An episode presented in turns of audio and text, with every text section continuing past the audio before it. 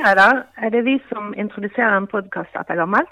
Ja, Renate. Ja, det er vel egentlig det nå snart. Det er så mange andre flinke folk oppe på RVTS Vest som har laget podkaster nå en lang stund, så nå tenkte jeg at uh, nå får vi komme oss i gang igjen og dra i gang denne podkastmaskinen vår.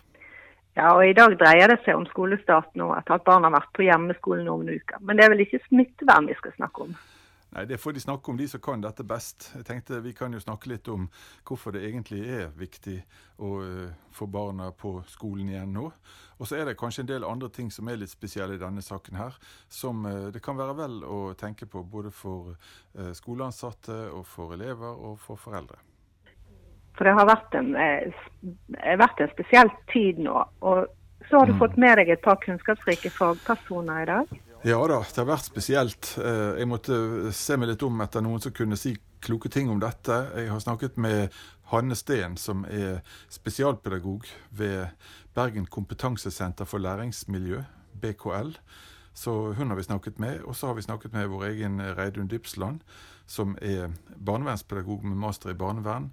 Og jeg har snakket med Inge Nordhaug, som er klinisk sosionom, eh, og som har et spesialområde med vold og seksuelle overgrep mot barn.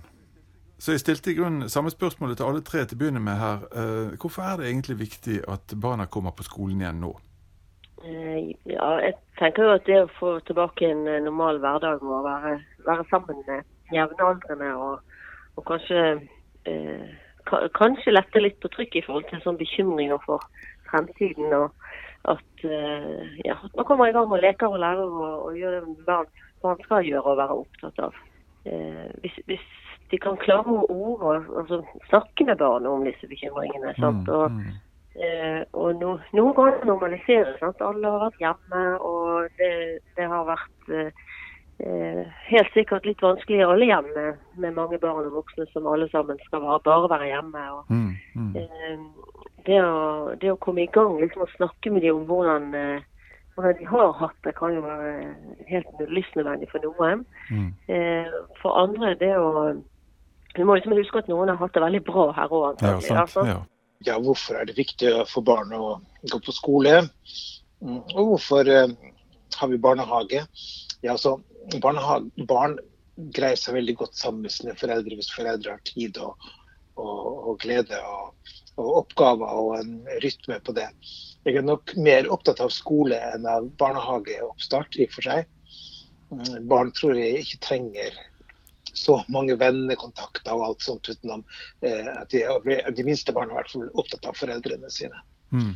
Men, men, når det er større barn som går på skole, så, så, er det et samfunnssyn vi har i og for seg. At, at uh, barn skal være på skole og gå på skole og lære seg ting. Og, uh, for at de skal bli en del av, av, uh, av de, at de utdanner gruppene. Da. At mm. de skal, skal, fylle jobber og at de skal mm. tilpasse seg det store samfunnet vårt. Mm. Ja, nå har det jo vært en lang periode hvor barn har hatt veldig begrenset uh, frihet. De har jo ikke fått vært med vennene sine, mange har ikke fått feiret bursdagen sin. Eh, og Det er ikke alle som får hjelp uh, med skolearbeidet hjemme heller. og De får ikke ha kontakt med besteforeldre, og de må i hele tatt holde veldig avstand. Noen har jo en koronavenn eller to som de kan være med. og Da er det igjen begrenset til at det er den ene eller den Eh, de to koronavennene vi har hatt. Så det er klart jeg tenker jo at uh, nå er det jo fortsatt slik at mye er, er usikkert. Men uh, når skolene nå og barnehagene starter opp igjen, så tenker jeg at uh, den angsten som mange nå kan kjenne på av foreldre og sånn, så tenker jeg at det er det vi nå har av fakta som må være styrende, heller enn frykten vår. Og det er klart Ingen av oss er overbevist om hvordan dette går. Det går ikke an å være eh, nå for tiden. Men jeg er i alle fall glad for at barna nå eh, skal få en så tilnærmet normal tilværelse som mulig igjen. Det fortjener ungene nå. En ting som jeg har lurt litt på, for at nå har jo nedstengingen vart i det tre eller fire uker når vi snakker sammen nå like over påske. Um, og det er jo kortere tid enn en vanlig sommerferie. Og selv om det nå fortsatt varer kanskje to uker til for skolen, for småskolen, så er det jo uh, kanskje kortere enn en vanlig sommerferie. Og vi pleier jo vanligvis ikke problematisere det at barna er vekke fra skolen i en sommerferie. Hva er det som, er det som gjør at denne tiden her er annerledes, eller har vært annerledes? Eh, enn en vanlig sommerferie? Vi har jo kanskje en tendens til å tenke at sommerferie er noe sånn hyggelig og bra. Mm. Eh, der alle har fri og familier får lov å være sammen. Ja. Eh, nå kan det være at det i mange hjem er større grad av økonomisk bekymring og permitteringer og fortvilelse. Og, eh, men jeg tror jo at mange av de sårbare barna lever under eh, vanskeligere forhold om sommeren enn det vi liker å, å tenke òg. Mm. Sånn at det er ikke bare hyggelig at familien har fri sammen. For det, for det, første så har jo mange elever opplevd at det har vært en annen måte å gå på skole på. Mm. Altså at de, de har Og så har det vært det at de har ikke hatt vennekontakt. Og, mange, og de har heller ikke hatt mange spennende sosiale eh, hendinger sammen med venner og andre ting. Eh, slik at når de kommer tilbake, så kommer de tilbake fra hvert sitt hjem. Og hva slags fortellinger skal de da fortelle til hverandre? Mm. Ja. ja. Ja eh, det vil jeg si at det helt klart er annerledes. Det er jo også fordi at, eh, at, friheten er begrenset. Det er dette med at ikke de, de må holde avstand, de får ikke være med venner, kan ikke ta venner med inn. Eh, de må kanskje holde ut, være utendørs med koronavennen sin, de må holde avstand. Alt dette er jo vanskelig for barn. Så jeg tenker jo at dette er en annen situasjon enn det å ha sommerferie. Helt klart.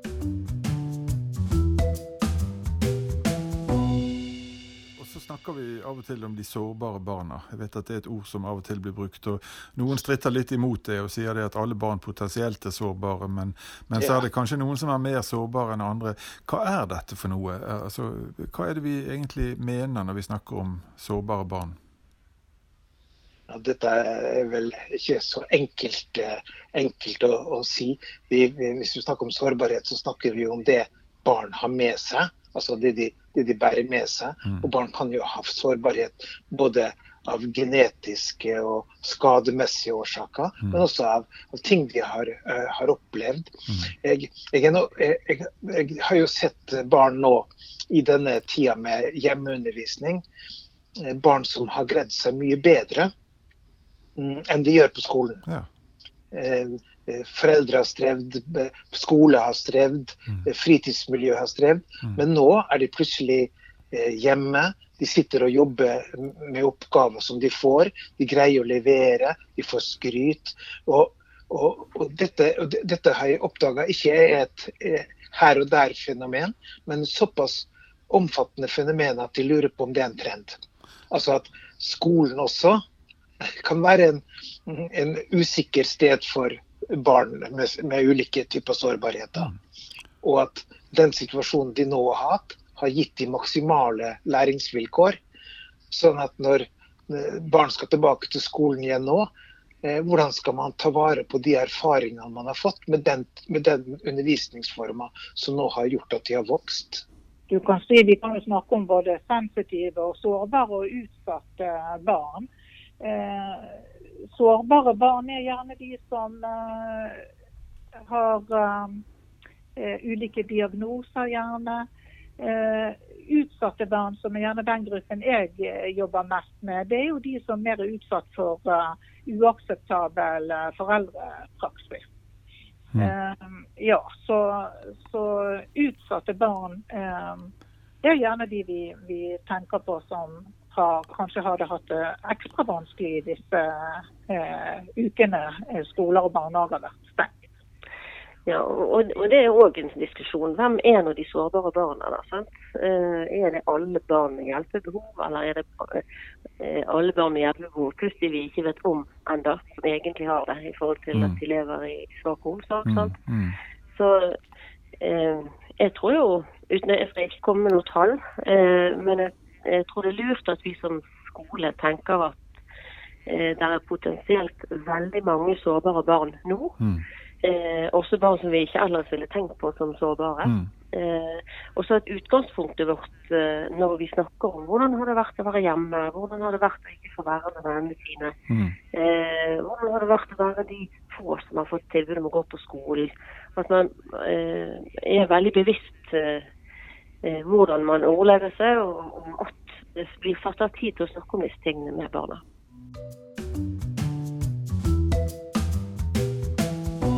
Noen har fortalt at uh, enkelte elever som kanskje ikke har vært spesielt sterke, spesielt til stede i klasserom, eller spesielt uh, opp, blitt opplevd som, som, ressursrike, at de når de er på hjemmebane, faktisk har fungert bedre. Mm. og har de har levert arbeidene sine, de har blomstret. Um, dette er et merkelig fenomen som flere av oss undrer oss over. Har, har du noen ideer om dette? Hva er det for noe?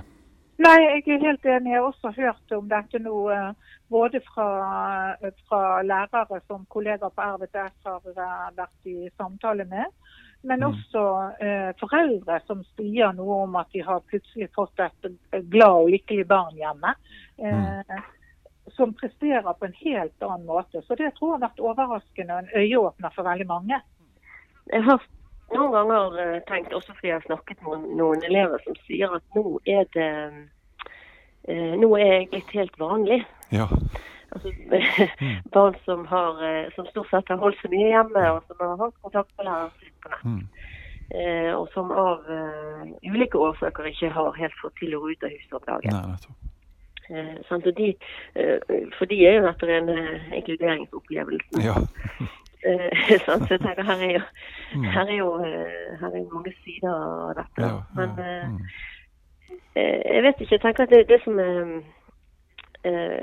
kan være fint med at vi nå alle sammen har vært vekke, det er at vi kommer tilbake med en slags sånn fellesskap. Mm, mm. Vi, vi, har alle sammen opplevd noe helt spesielt. Vi vil alle sammen oppleve og huske 2020. Og, eh, så kanskje vi på en måte kan eh, benytte anledningen inn i klassemiljøarbeid eh, og, og, liksom starte på en sånn felles null. Mm.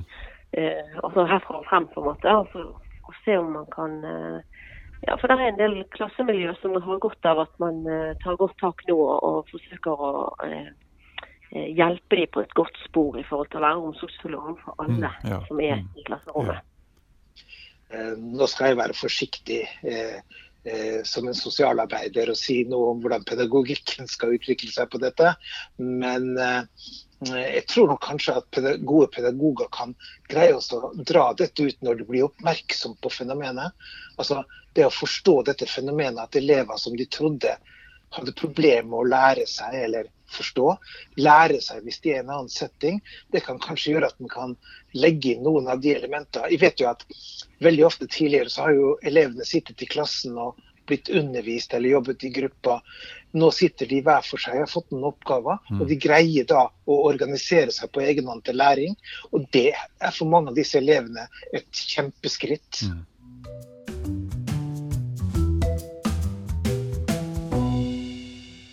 Gode tanker å ta med seg nå når skolen gjenoppstår som nesten vanlig skole igjen så kan vi jo nevne at BKL har laget et notat til skolen i Bergen om de viktigste tingene å huske på nå.